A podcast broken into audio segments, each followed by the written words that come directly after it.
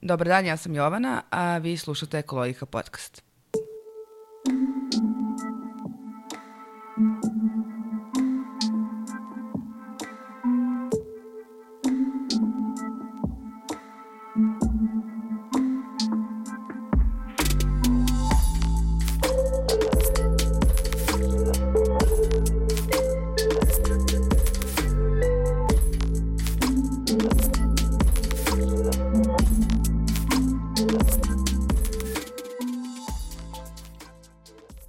Prošloj epizodi mogli ste da čujete šta je to e-mobilnost, koji su mitovi koje zablude kad je reč o električnim vozilima, a u ovoj se bavimo jako važnom temom bez koje e-mobilnosti ne bi bilo, a to je saobraćena infrastruktura.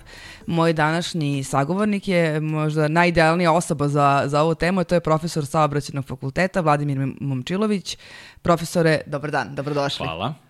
E, bez urbanističkog plana i nekog planiranja, jel te, i bez razmišljanja o javnom prevozu kao u e-mobilna industrija prosto neće moći da zaživi, ni ovde, ni u Evropi.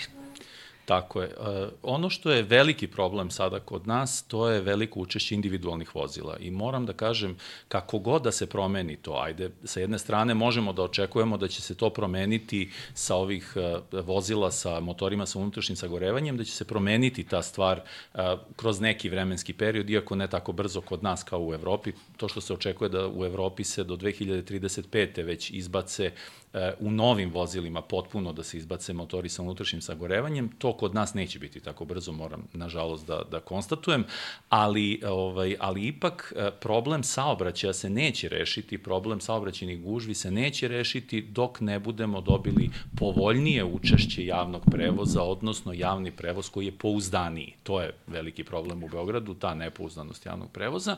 I drugo, i u javnom prevozu veće učešće električne energije kao uh, pogonskog, pogonske energije u stvari koja bi, koja bi u gradu dovela do toga da se smanji uh, zagađenje životne sredine koje je vrlo problematično baš u gradovima gde su, gde su ovaj, da kažem, veliki, veliki problem ta, taj uh, gustina saobraćaja, taj, taj nepovoljni rad vozila i prosto saobraćene gužve koje su posledica ja. svega ovoga. Da. Pričat ćemo još o da. saobraćaju, da. ali ajde za početak, šta su benefiti e-mobilnosti iz vašeg ugla? Neko koje se Pa postoji, postoji, mogu da kažem, dva neka osnovna benefita. To je da se, da se sada a, ta, ta izduvni gasovi, odnosno ne samo izduvni gasovi, zagađenje se nekako premešta na, na drugo mesto. Znači, nemamo sad više zagađenje na mestu a, potrošnje tog, te energije, nego se zagađenje prebacuje na mesto proizvodnje energije. E-mobilnost kao takva električna vozila, ona na samom, na samom vozilu nemaju nikakvu ovaj, štetnu emisiju, prosto imaćemo tu neke čestice koje se koje ostaju od automobila kao takvog, od od pneumatika, od od kočnica, ali to je dosta malo kad poredimo to u odnosu na sve ovo što su što su sami izduvni gasovi, eh, ova eh, i CO2 prosto mogu da kažem s te strane, ali eh, ono što definitivno ovaj na što mora da se obrati pažnja, to je isto učešće te obnovljive električne energije, odnosno izvora električne energije koji su povoljni po životnu sredinu i koja će biti vrlo u fokusu narednih godina, odnosno sistem energetike mora značajno da se promeni po tom pitanju. E, iz vašeg ugla nekoga koji je sa saobraćenog fakulteta, jel te, šta je ono što mora, ajde da pričamo o Beogradu i o Srbiji, mm -hmm. pre svega, ali negde Beograd je, mislim da je pitanje saobraćaja ovde najproblematičnije, odnosno na ostatke, ostale gradove u Srbiji, možda Novi Sad i Niš imaju iste probleme. Mm -hmm. Šta je ono što mora da se promeni da bismo mi uopšte mogli da razmišljamo o tome da počnemo da uvodimo električna vozila i ne samo i za individualnu upotrebu, nego pričamo o javnom prevozu i o, jel te, ovaj, i o privrednom, kako već kako. Mm -hmm. Pa evo ovako, znači jedna od, od glavnih stvari i nešto što se pokazalo već poslednjih godina, posebno od, od ovog COVID-19, ima, videli ste da je, da je COVID-19 uticao značajno na smanjenje broja putnika u javnom prevozu, prvenstveno zbog bezbednosti, a drugo zbog, zbog mogućnosti zaražavanja. Međutim, ono što jeste problematično, to je primetili smo da se uopšte nije smanjila uh, količina uh, prevoza tereta, znači transport tereta je, je se povećao poslednjih godina. Zašto se povećao? Imamo jako puno e, tih e, brzih dostava, znači kurirskih, e, kurirskih pošiljaka i tako dalje. I sve to se danas radi sa relativno praznim vozilima. Moram da kažem odmah neka vrsta optimizacije, ono što bi bilo vrlo značajno, to je da imamo taj podeljen segment neke, neke mikrodistribucije i ta mikrodistribucija, kao što se tiče i ovo naše kretanje, mogla bi da se svede na dva segmenta. Da kažem, tamo gde moramo da koristimo prevoz, i tada bi to bila vozila koja su efikasna,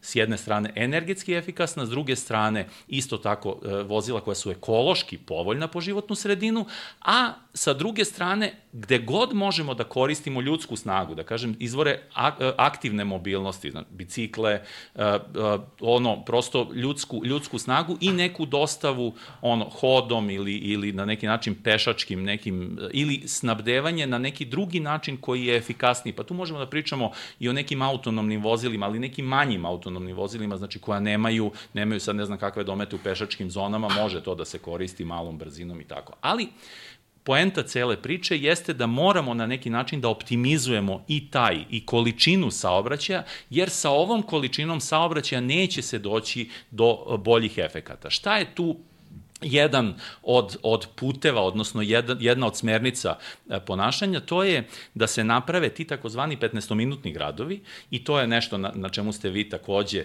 ovaj, hteli da poentiramo u ovome, ali yes. po meni zaista vrlo važna stvar. To znači da imamo e, neke e, zatvorene celine, mogu da kažem kao neka vrsta blokova, u kojoj vi možete da zadovoljite sve svoje dnevne potrebe potrebe, odnosno gde bismo mi sprečili potrebe za kretanjem. Imate sve na pešačkoj dostupnosti do 15 minuta hoda, a sve što ne možete da zadovoljite, na primer, ne možete obrazovanje, ne možete neke druge stvari, ne možete radno mesto, tu da koristimo što više javnog prevoza. I to javni prevoz koji je energetski i ekološki efikasan. To sve jako lepo zvuči. Ono što nam fali jeste infrastruktura, Tako. fali nam javni prevoz koji radi, kom nisu gužve, kom nema kolapsa. Ove, ma, mi smo pričali pre nego što smo počeli snimanja, vi ste došli sada kolima, to što nemate drugu opciju. Ne. Ja živim u centru grada, pa ne moram mnogo da, ovaj, da, da koristim ni, ni kola, ni jel, javni prevoz, ali ono što je problem što svaki put kad hoće podem na Novi Beograd, ako hoću da idem sa detetom, moram, moram sedam u kola, jer opcija javnog prevoza trenutno nije baš najsrećnija, pogotovo ako imate malo dete. Uh, vi ste radili neka različite istraživanja temu javnog prevoza. Možemo čujemo malo o tome, pa onda da ćemo vratimo i na 15 minute gradove i na, na sve ostalo. Pa može. Evo, da kažem, Srbija, to, to neko nasledđe koje imamo iz, iz Jugoslavije još je bilo da, da je kao i sve ist, zemlje istočne Evrope, imali smo jako visoko učešće javnog prevoza u, u, u, uopšte u kretanjima u gradovima. I ono se negde kretalo, mogu da kažem, oko 70% svih dnevnih kretanja imali ste, bila su realizovana javnim prevozom. Međutim, e, sa porastom standarda, realno vi imate prvo sa jedne strane i sa opadanjem kvaliteta javnog prevoza, takođe ne mogu to da zaboravim i ne sme to nikako da se zaboravi, vi, vi imate da deo putnika koji, kojime sad raste standard prelazi na automobil i dogod mi imamo dovoljno parking mesta, mi ćemo imati to da, da ljudi u principu koji, koji mogu da raspolažu automobilom, koji imaju, koji imaju viši standard, da koriste automobil. A mi ono nemamo što... dovoljno parking mesta, kad pogledate. Pa pazite, ni jedan grad nema dovoljno parking mesta, ako ćemo tako da gledamo. Ono što je jako bitno i to ste sad lepo pomenuli što se tiče infrastrukture, to je treba da ponudimo neku alternativnu infrastrukturu. Znači, ono što sam se ja zaista iznenadio i gde bi trebalo da se ugledamo na neke druge gradove Evrope, ja uvek kad pomenem neke, neke ovaj, nordijske zemlje, ljudi kažu, ja, gde smo mi od Norveške, gde smo mi od ovih drugih. Mislim, Norveška je zemlja na koju se treba ugledati po pitanju e-mobilnosti. Međutim, e, da kažem, ajde, neću sad da se ugledavam na Norvešku, reći ću da jedna Holandija, na primer, koja takođe jeste sa severa, sa severa Evrope, ona ima jako razvijenu infrastrukturu bicikla. I kad pogledate to, ja sam recimo bio zaista iznenađen ovaj posetom Holandiji pre par godina, gde sam video ogromne parking garaže za bicikle. Vi, vi imate po celom gradu imate parking garaže za bicikle. Kao što mi imamo problem sa automobilima i oni takođe imaju problem gde, par, gde da parkiraju bicikle. Znači kad vi imate jako veliko učešće bicikla, morate misliti i na to. I šta je kod njih glavna stvar? A to bi kod nas isto trebalo da se radi, to je da se poveća učešće park and ride-a. Na primer, šta to znači? Park and ride to je ono park parkira i, e, i vozi se, šta to znači? Da ti imaš mesta koja su na obodu grada. Ne pričamo o mestima koja su u centru pa ti se premeštaš na javni prevoz, nego mesta gde, gde je jednostavnije napraviti parking garaže, gde je to jeftinije i vi tu ostavite automobil i prelazite na pouzdan javni prevoz, na neki šinski vid javnog prevoza, kapacitivni. Šta to znači? To znači imamo ili metro, ili prigradsku železnicu, ili neku vrstu tramvaja, ili neki trolejbus. Može čak da bude i ta vrsta, da tako kažem, ali mož, mora da bude neki viši kapacitet i da bude pouzdan. To je ta priča da bude odvojen od ostalog saobraćaja, da on ne trpi posledice saobraćenih zagušenja u gradu. Znači, ne mogu ja sad da, da se vozim, i, a to je glavni problem kod nas. Jako veliko učešće autobusa autobusi sami po sebi, znači učestvuju posebno što se mi ne pridržavamo baš mnogo propisa po pitanju žutih traka, po pitanju korišćenja uopšte i prava na korišćenje određenih ovaj, delova saobraćajnica i tako ovaj, bez obzira što imamo one baštice, tramvajski i tako dalje, vi ćete videti tu i automobile kod nas da se kreću. To kad se jako sankcioniše i mislim sa jedne strane mi moramo da, da obratimo pažnju, da ponudite dobru alternativu, to znači da čovek, da mu se ne isplati da pravi prekršaje sa jedne strane, znači da koristi to, to što je zabranjeno, a s druge strane isto tako da, da ima nešto, da se on, ako se već opredeli na korišćenje javnog prevoza, to bude pouzdano, da to bude ovaj, dobrog komfora, da bude na na neki način e, pouzdano po pitanju tačnosti, po pitanju da možete da računate na vreme putovanja i sve ostalo. Znači to, to znači neki metro ili neki laki šinski sistem i tako dalje. E sad, što se tiče elektro, ovaj, elektromobilnosti po pitanju javnog prevoza. Tu imamo dve linije u Beogradu i ono što ja hoću da istaknem, i Novi Sad je ove godine uveo 10 ovaj, autobusa takođe, ali pazite, vi kad kažete Koliko od nekih... Koliko u Beogradu? Četiri autobusa ili više? Ne, ne, imate, pazite, dve autobuske linije imamo, ali imamo 15 autobusa. A 15, ok. Znači, pet, onih od 2016. je bilo pet autobusa, onda su još 10 uveli 2021. Novi Sad ove godine 10 je uveo. Međutim, šta je problem? Pazite odmah. Znači, kad gledamo neko učešće tih automobila i mislim i uopšte vozila na, ovaj, na elektropogon, kod nas je ono jako malo. Ono, znači, mi još nismo došli ni do jednog procenta. Ono što jeste dobro, jeste što mi već skupljamo neka iskustva i pravimo na neki način, opet učestvujemo u tom, u tom nekom uh, testiranju. Jer, pazite, ipak što se autobusa tiče, teretna vozila su tu još uvek, mogu da kažem, ovaj, negde kasne za celom ovom pričom, ali, ali putnički automobili su tu, imamo ih i u, i u Srbiji, i autobusi su tu ako pogledamo da mi već sedam godina imamo neke autobuse, bila, do, dobro, to je jedna linija, pet autobusa, ali vi već imate neko iskustvo. Šta je veliki problem sa tim? Veliki problem je što vam treba jako a, dobra mreža o, ovih punjača. I to je jedan od ozbiljnih problema. Koliko je, koliko je autobusa dovoljno u stvari da bismo mi mogli da ovaj, negde ozelenimo javni prevoz, to je prva stvar, i druga stvar šta je sve potrebno da, bi, da bismo dobili tu količinu autobusa, ali evo počeli ste već sada. Pa jeste. Pazite, veliki problem je uh, kad kažemo ovako ne možemo sve autobuse da prebacimo na, na elektropogon i ja i ne smatram da svuda treba da bude, to, to je znači jako velika količina električne energije, da vi sad već kad imamo energetski sistem koji funkcioniše na ivici svog kapaciteta, a plus imamo jako visoko učešće uh, te neke, ajde da kažem, crne električne energije, da, ne, da ne kažem tako, prljave, ne zelene, ovaj, imamo problem sa tim da ovaj, ne možete sad dodavati još to učešće te prljave, prljave električne energije, znači moramo da pazimo i da to e, na neki način umereno ubacujemo A što je rešenje onda, pošto ni, mislim, fosilna goriva koje se koriste za ostale autobuse nisu baš najsrećenija Pa rešenje, reše, rešenje je veći, veći kapacitet ovih, e, da tako kažem, šinskih sistema. Mm -hmm. Pazite, vi sa istim uh, vozilom možete sedam puta više realno da prevezete u istom, u istom kapacitetu kapacitetu jednim šinskim vozilom u odnosu na jedno, na jedno motorno vozilo drumsko. Znači, autobus prosto, i pazite, bilo je tu pokušaja i ima toga još uvek onaj neki bus rapid transit, to su uh, potpuno rezervisane saobraćene trake za autobuse, gde se autobusi kreću kao tramvaji, kao laki šinski sistem. Međutim, šta je tu problem? To jeste jeftinije. Uh, ali isto tako, znači, e, mora da se obezbedi e, taj neki potpuni prioritet na raskrsnicama. Vi ne smete da imate zadržavanja tog prevoza da bi on bio pouzdan, da bi mogo da privuče neke putnike i ovaj, to isto nije bilo predviđeno za elektrovozila. Znači, vi ne smete da imate gubitke da neko vozilo mora da stoji na nekom stajalištu i da se puni. Znači, to jeste problematično. E sad, šta je? Ja bih nekako rekao, mora da se prvo kod nas i e, redefiniše naš ceo sistem. Šta to znači? Da se napravi ta neka osnovna a, glavna mreža tih, tog javnog prevoza koji će da nosi najveći kapacitet, to je trebalo da bude oko metroa, pazite, kad je, kad je rađen projekat metroa 2002. treće godine, ja sam tad pomislio, ja, ko će da dočeka 2017. da budu gotove sve tri linije. Francuzi su radili taj prvi projekat i rekli, kao pesimistički će to biti do 2017. Vi vidite da smo mi danas tu, a da još uvek nemamo ni jednu liniju metroa, što je dosta ovaj, nezgodna stvar i loša stvar. nema ni tunel za, za metro, ne, a ne, je. a ne liniju. I vi, sad, I vi sad treba da celu mrežu restrukturirate tako da mreža u stvari, autobusi samo služe da snabdevaju stajališta metroa, odnosno tog kapacitivnog, i da imate drugačije linije. Ne možete vi sad da duplirate mrežu autobusa sa ovom mrežom. E, to je glavna stvar i kad vi pogledate, znači mi bi trebalo je do sad već i da napravimo tu neku to odvajanje, da iako već imamo tramvaj, koji je dominantan, možemo da kažemo, taj šinski sistem na, na mreži, on kod nas nije dominantan, nažalost. Vi pogledate i on se prepliče sa autobusima, a to je dosta loša stvar. Znači, to ne smete da radite. Znači, ne smete da imate konkurenciju između istog prevoza, da tako kažem, na, na, nekom, na nekom pravcu. Ja to znači treba da sravnimo sve, sve linije do sad napravljene i da pa, na, napravimo nove ili Pa Kako izgleda prosto... integracija u stvari? Ajde, imate neki dobar primjera integracije te električne mobilnosti u, ovaj, u standardne javne sisteme javnog prevoza? Jel postoji neka, neki dobar primjer toga? Ili možda imate Mislite, ideju kako, kako to su? Mislite u svetu negde, da li da, da. postoji da. to?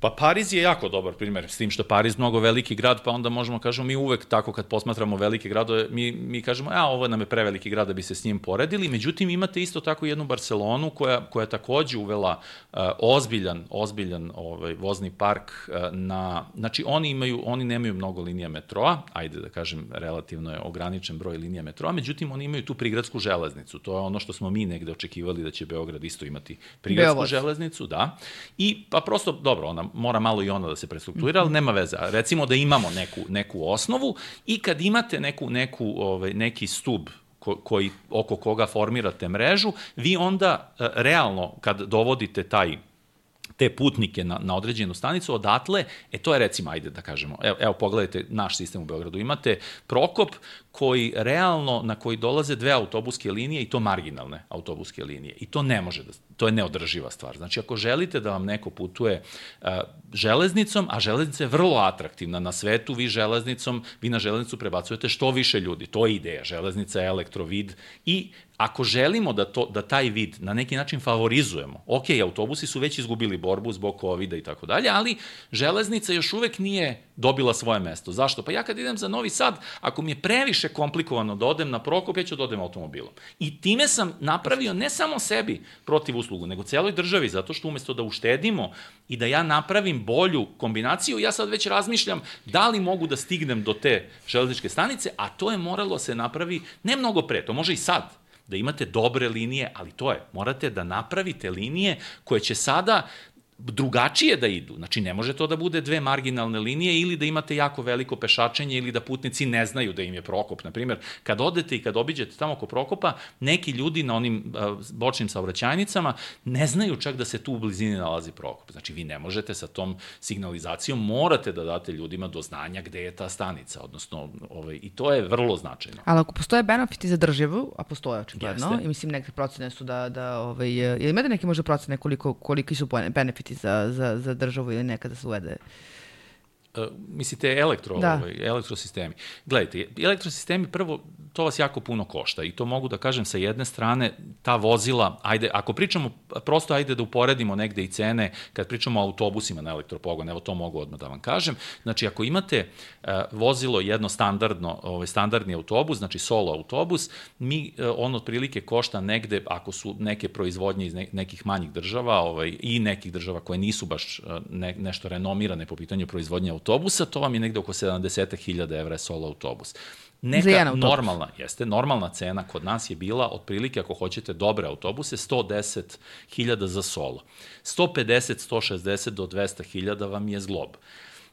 Zamislite sad to isto puta dva, vam je, znači, nekih 300 hiljada su autobusi na gas, 400 i 500 hiljada su autobusi evra. Znači, autobusi na elektropogon. Znači, pričamo o tome da vi sada možete za te pare da dobijete jednu četvrtinu autobusa, znači za one pare koje ste vi odvajali. Dok mi govorimo o tome da nemamo dovoljno autobusa, odnosno vidite kako funkcioniše javni prevoz u Beogradu, mi realno imamo problem sa tim da morate da obezbedite neku alternativu. Znači, Jasne. nije, nije poenta da kupimo sve autobuse. Pazite, vi kad bi se sad u Beogradu pokušali ovaj red vožnja sprovedete novim autobusima, vama treba otprilike 1200 autobusa u Beogradu.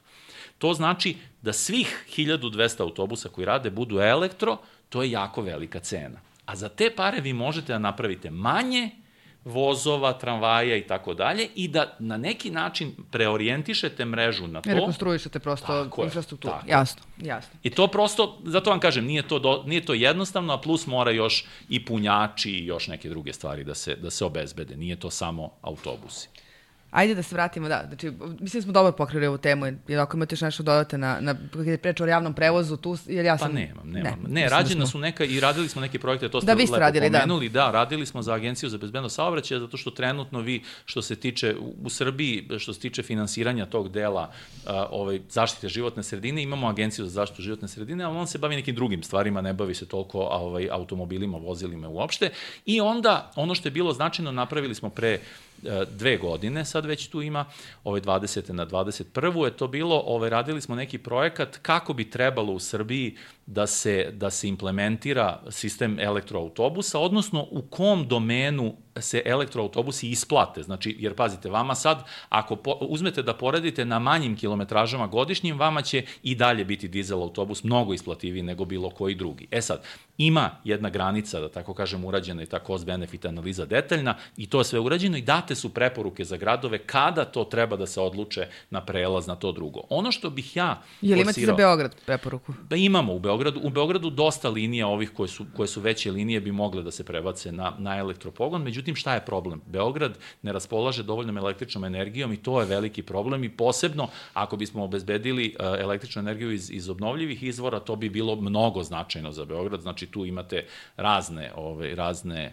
ove projekte, ali opet, da kažem, s druge strane, uh, nije dovoljno urađeno na tome još uvek. Znači, Beograd mora da obezbedi dobru energetsku mrežu i mrežu snabdevanja električnom energijom da bi se to moglo uspostaviti. Šta bi ja pomenuo sad? Beograd možda nije najbolji primer za tu neku aktivnu mobilnost. Ja mislim da, da mi moramo da počnemo da forsiramo i pazite, već postoji od 2017. godine postoji mreža javnih bicikala koju je uh, Sekretarijat za saobraćaj grada Beograda već doneo i, i propisao na neki način prošlo kroz gradske, kroz gradske odluke, međutim to se uopšte evo do dan danas šest godina kasnije nije se uspostavilo. Zašto? Pa Beograd nije baš neki biciklistički grad, možemo da kažemo, pod navodnicama. Međutim, jedan Novi Sad.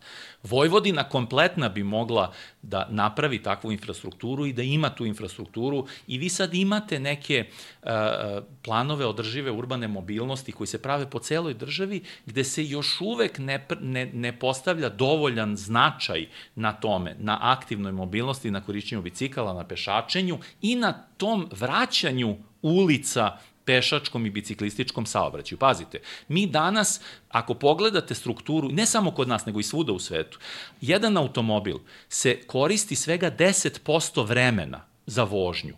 90% vremena on stoji parkiran. Šta to znači? Da mi moramo da obezbedimo mesto na ulici koje će da zauzima jedan automobil. Ako biste vi prenamenili, i to je ideja ovih 15 minuta gradova, to, lep, ne, lep da, mi uvod napravio da ih da prenamenite to, da. površine za neke korisnije, lepše površine za hodanje, za boravak ljudi na ulici, Tako da vi u principu kad biste izbacili individualni saobraćaj, već biste mogli mnogo bolje da rasporedite taj prostor, ulični prostor i ulični front za neke druge sadržaje. Pa tu može, recimo, jedan Pariz je isto tako dobar primer i za te javne bicikle, znači oni su to uveli još 2000, početkom 2000-ih godina, imaju jako veliko iskustvo, ne samo Pariz, nego cela Evropa ima iskustvo sa, sa tom ekonomijom deljenja. Pazite, vi ste čuli za to sigurno, to je ona priča sharing. Znači imamo bike sharing, to je e, deljenje bicikla i vi realno plaćate samo uslugu korišćenja toga. Kod nas je U poslednje vreme ti uh, sistemi mikromobilnosti sad je krenulo to sa ovim trotinetima. Elektrotrotineti su vrlo značajni, mogu da kažem, i oni su i u svetu doživeli bum negde od 2018. godine na ovamo. E, koliko su uopšte gradske vlasti bile nespremne na to, ne u Beogradu, nego svuda, svuda. u svetu, je dokaz da to nije bilo uopšte propisano. Nigde niste imali propis, pa je čak bio jedan London, odnosno jedna Velika Britanija, je to bila zabranila. Jeste, to da kažem. Do, ne, I ne je. samo, mislim da je u Holandiji u jednom gradu zabranjeno bilo i da je... Pazite, sad recimo, evo vam, već sa iskustvom tog deljenja, pokazalo se, s obzirom da te, recimo, bicikle, za bicikle ste vi imali te stanice, gde ste morali da parkirate bicikl tako da se vidi da u stvari imate prepoznatljiva te stanice gde vi uzimate bicikl, vraćate bicikl, ali je to bilo malo možda nekomforno za korisnike. Zašto? Pa vi morate nađete neku najbližu stanicu i odatle da uzmete i da vratite bicikl. Šta je sa trotinetima bilo dobro? Dobro je bilo što možete ga ostavite bilo gde, ali šta se onda desilo? Jedan Pariz je sada izbacio te javne trotinete. Znate zašto? Pa zašto su ih ljudi ostavljali gde bilo gde na ulici. I vi ste sad morali preskačete te trotinete po, po ovaj, kao pešaci i to i postalo poprilična noćna mora za ljude, jer sad neko to treba da poređa, da napravi neku, neku stanicu za to i ljudi na to nisu bili spremni. To je To sam teo da vas pitam, lep, opet ste mi lepo uvod napravili, ovaj, a to je šta je, koji propisi, šta je ono što mora da se promeni da bismo mi mogli da implementiramo e-mobilnost na odgovarajući način. Pomenuli smo i trotinete koji prave problem, do, u jednoj meri prave i u Beogradu kada je reč o vožnji, Tako jer je. često su na trotoaru, ni oni nemaju dedu suštinski, ni sad. Imamo, imamo se, razumevanja, ali s druge strane često su na trotoaru, često su prave problem pešacima. Mm -hmm. Šta je ono što mora se implementirati od propisa i ovaj, da, bi, da bismo mogli da negde obezbedimo bezbednu, bezbedno učešće u saobraćaju svih Tako aktera? Je. Pa pazite, prva stvar, to, ti, taj saobraćaj i, i negde ono što ja očekujem za neko blisko buduće vreme, to je da saobraćaj u centru grada krene to neko smirivanje saobraćaja. Šta to znači? Ne možete voziti velikim brzinama, centri gradova generalno i uopšte te neke zatvorene zone imate to da se, da se brzina spušta na 30 km na čas. To je jako nepopularna stvar. I vi sad možete da kažete sad kad bi vas neko naterao, mislim mi u Beogradu ne možemo da nateramo ljude da voze 50 na sat sa ovim trenutnim ograničenjem, znači to je u zakonu o bezbednosti saobraćaja. To stoji, međutim, veliki problem je što mi moramo da se naučimo da, da delimo tu pro, e, saobraćajnu površinu sa ostalim učesnicima u saobraćaju. Šta to znači? Znači, ako ćemo da odvajamo površine, veći deo sada od površina za parkiranje, znači pa, parkiranje može i dalje da se ostavi, ali parkiranje nije socijalna kategorija. Pazite, za parkiranje ako ćete da zauzmete prostor u centru grada, vi ćete morati jako puno da platite. Zašto? Pa ne možete, ne može vama grad da obezbedi besplatnu površinu i niti površinu po ovoj trenutnoj ceni. Znači, ova cena je neodrživa. E sad, to e, ako se ta površina prenameni, ona treba da se prenameni s jedne strane za javni prevoz, s druge strane isto za te aktivne sisteme mobilnosti, znači za trotinete, za bicikle, za kolica, takođe da vi imate prostor gde možete da se krećete neometano, znači ne da se sad vi sudarate na trotoaru sa ostalim učesnicima u saobraćaju i da sad biciklista, na primjer, ne sme da se kreće ovaj saobraćajnicama, ovaj, na, u, u, gradskim saobraćajnicama u centru grada. To je jedna stvar. I druga stvar, da se obezbedi za gradski prevoz poprilično dobra, a opet s njihove strane, da tako kažemo, od grada, da se obezbedi jedan gradski prevoz koji ne zagađuje. On može da bude e, pomeren, da, da kažem, denivelisan u odnosu na pešake, ali isto tako to zahteva jako velika, jako velika izdvajanja ali mora da se izbaci jedan automobil iz grada, mora da se izbaci ili da on postane vrlo neprivlačan ljudima koji ga koriste u gradu. E to vam je nepopularna mera. Ne vole političari. Ako kažete sad treba da izbacite automobil iz grada, on će da kaže da, ok, automobil zagađuje, ali onda se on posle vrati sebi i kaže pa ja neću moći da idem automobilom u centar grada ako, mi, ako zabranim i ostalima, znači ni ja neću imati, imati mogućnost korišćenja tog automobila. E, to je, mnogi gradovi u svetu su to rešili onim congestion chargingom, znači naplatom za zagađenje, odnosno vi realno, oni kažu za zagušenje, ali to jeste u stvari naplata za zagađenje. Kad vi pogledate realne ekološke takse, da svedete na tu priču koliko nas košta i zdravstvo, i sve ostalo, znači taj gubitak komfora za pešake i za ostale učesnike u saobraćaju, što kažemo mi ranjive učesnike u saobraćaju, to šta nas košta da mi njih izmestimo na drugo mesto, to mora da plati sve automobil. A nekako smo se navikli. Ovaj, I pazite, bit će sve gore. E, mi stalno pričamo o porastu standarda i, i očekujemo onda da se neko vrati na javni prevoz. E, ono što je pokazala Evropa i pokazao uopšte razvijeni svet, to je da se sa porastom standarda očekuje samo smanjivanjem broja putnika u individualnim vozilima i tu nema priče. E sad, mora se prvo uraditi jedna stvar. Da se gradski automobili smanje, a to je ova priča. Elektroautomobili su generalno manji automobili, zauzimaju manju površinu i onda možemo da kažemo imaćemo i veći broj parking mesta za te manje automobile, a s druge strane sve, svako onaj ko ne mora da koristi individualni automobil, ali ja smatram recimo vi sa detetom ili neko ko ima neki invalid koji ne može drugačije da se kreće sem automobilom, pošto prosto kod nas nije, nije dovoljno pristupačan javni prevoz, mogu da kažem definitivno, niti su sve ulice ovaj, za Nisu. prilagođeni invalidima i niti majkama sa decom i starim ljudima i ostalo. Znači, mi moramo da obezbedimo tim ljudima, ali opet ne po svaku cenu. Ne neki auto koji zagađuje, ne neki, ovaj, da tako kažem, veliki automobil. Pazite, jako... Ili s druge strane da ima obezbe, obezbedimo da. infrastrukturu ko, kojom će moći se kreću. Jako loš trend autoindustrije, i tu moram da skrenem pažnju, je porast veličine automobila. Vi znate da sada imamo jako puno tih, ono što se zovu SUV, što mi zovemo terenska vozila, koja veze sa terenom nemaju. Znači, ona se uopšte ne koriste van puteva. Gradska terenska su, vozila. Tako je, znači sportska, možemo da, da kažemo kažemo terenska vozila, ona se sada više koriste ovaj, zato što vi sad imate game tih proizvođača automobila koji su potpuno izbacili limuzine i imaju te male gradske automobile, sve ostalo vam je to. Ja nisam protiv da mi imamo automobile, ali automobile koji vam služe za putovanje. I to tamo gde ne možete to da realizujete na drugi način. Pazite, Evropa kompletna, evo, skoro, prošle godine sam bio na nekom na nekoj konferenciji i ja sam išao automobilom, pa ste sever Italije, idem automobilom i svi su me gledali kao čudo neko, kao zašto si ti došao automobilom, kao putuješ, pa ja kažem, znate kakva je moja veza železnicom? Oni su svi, to su saobraćajci, koji su došli iz cele Evrope i sveta, gledali što više njih da dođe železnicom. Italija ima sjajnu železnicu. Naravno, ja. i, i Evropa je povezana železnicom. Yes. I on kaže meni, kako je moguće da jedan Beograd nije povezan, ovaj sa Milanom nije povezan železnicom? Ja kažem, verujte mi, ja kad sam mu dao linkove o, između Beograda i Milana, on je rekao, joj, pa ne bi ni ja se tako vozio. Pa naravno da ne bi kad mora presedaš ono koliko puta. On kaže, pa da, znate, morate da radite na tome to povezivanje. To je ta priča. Nije to ni samo do nas. Moramo da se povežemo i ceo, ceo sistem, znači Evropa mora, ne sme Evropa ni nas da zaboravi. Ja tu nekako uh, utešno gledam na tu priču, pazite, to da li smo mi članovi Evropske unije ili nismo, zagađenje se širi bez kontrole, ne možeš ti da ga na granici.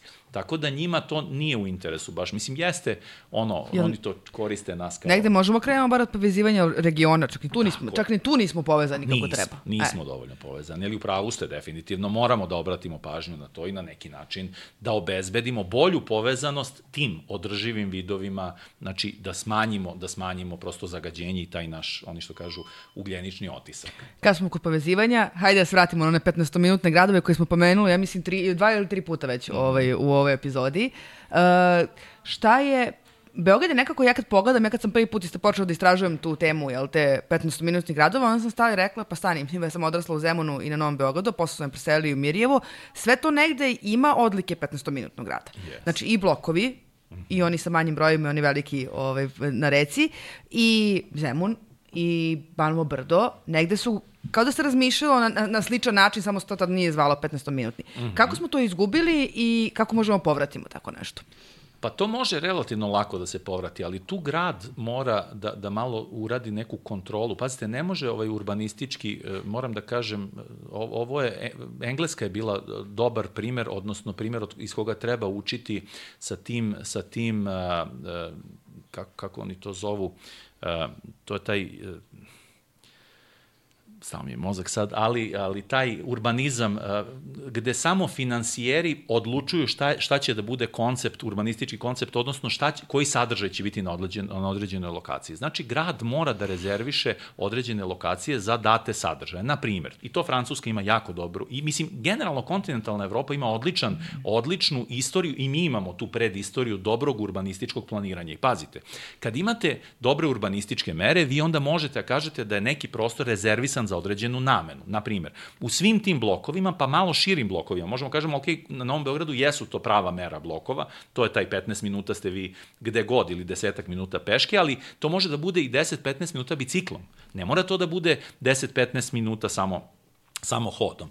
I kad vi možete da realizujete sve svoje potrebe za snabdevanjem, za kulturom, to je bila priča, znači da se napravi nešto, da imate neki sadržaj gde vi možete da, da se snabdete, da ne morate da idete u velike trgovinske lance, da imate neki mali trgovinski lanac. I mi smo imali to, ali malo po malo, to, ti veliki trgovinski lanci su na neki način uspeli da, da, da vam nekako potisnu i da ti mali propadnu, da taj mali biznis koji je, a to grad mora... Otvorili su svoje male, mislim, da li je pohvalno ili ne, ali to, otvorili ne, ne, su, to imamo jeste to. pohvalno, pazite, Jeste. nije to, nije to loša stvar, jer vi morate se snabdevate na dnevnom nivou. Ako mi za sve moramo da putujemo negde, I, I pazite, to, to je ta priča. Morate da imate neki prostor za snabdevanje. Šta to znači? Mislim, snabdevanje, u smislu ovo, distribucija proizvoda.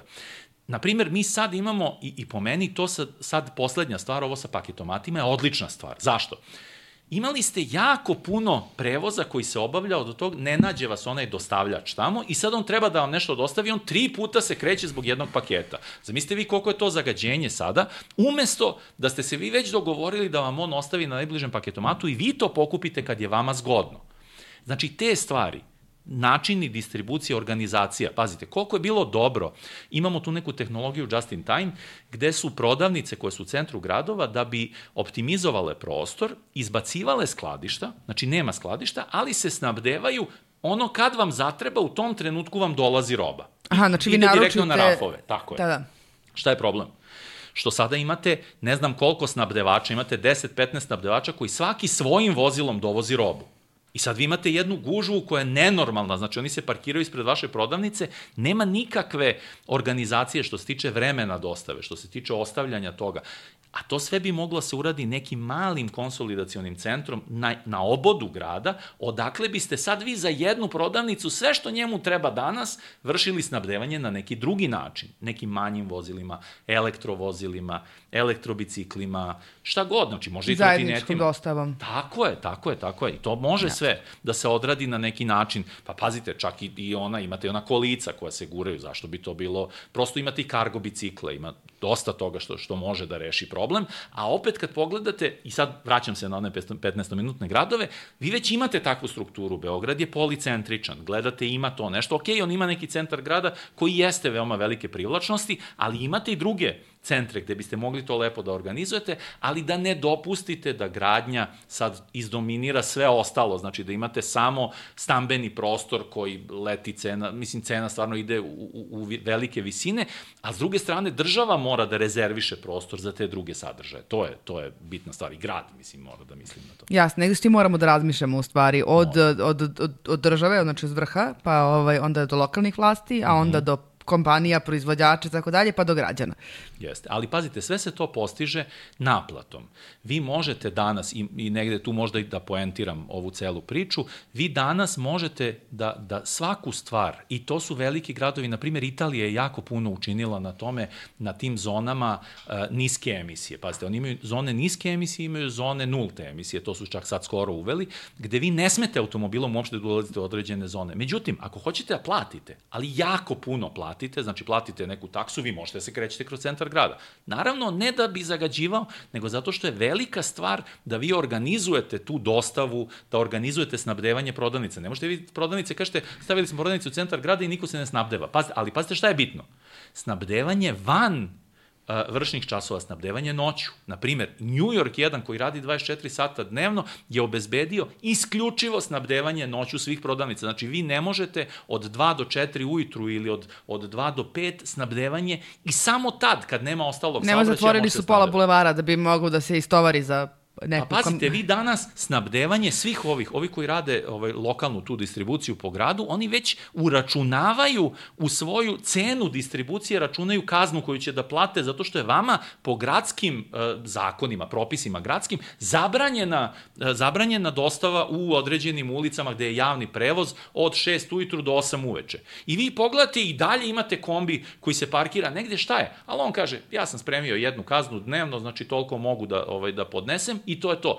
Pa ne možete da idete na to znači, da treba se dižu kazne Ma ne, još ne, više. ne samo se dižu kazne. Pazite, vi u, u svetu danas ako se zaustavite negde na, na, na, na saobraćajnoj traci za dinamički saobraćaj, zaustavite se Poslaće vas kod psihijatra.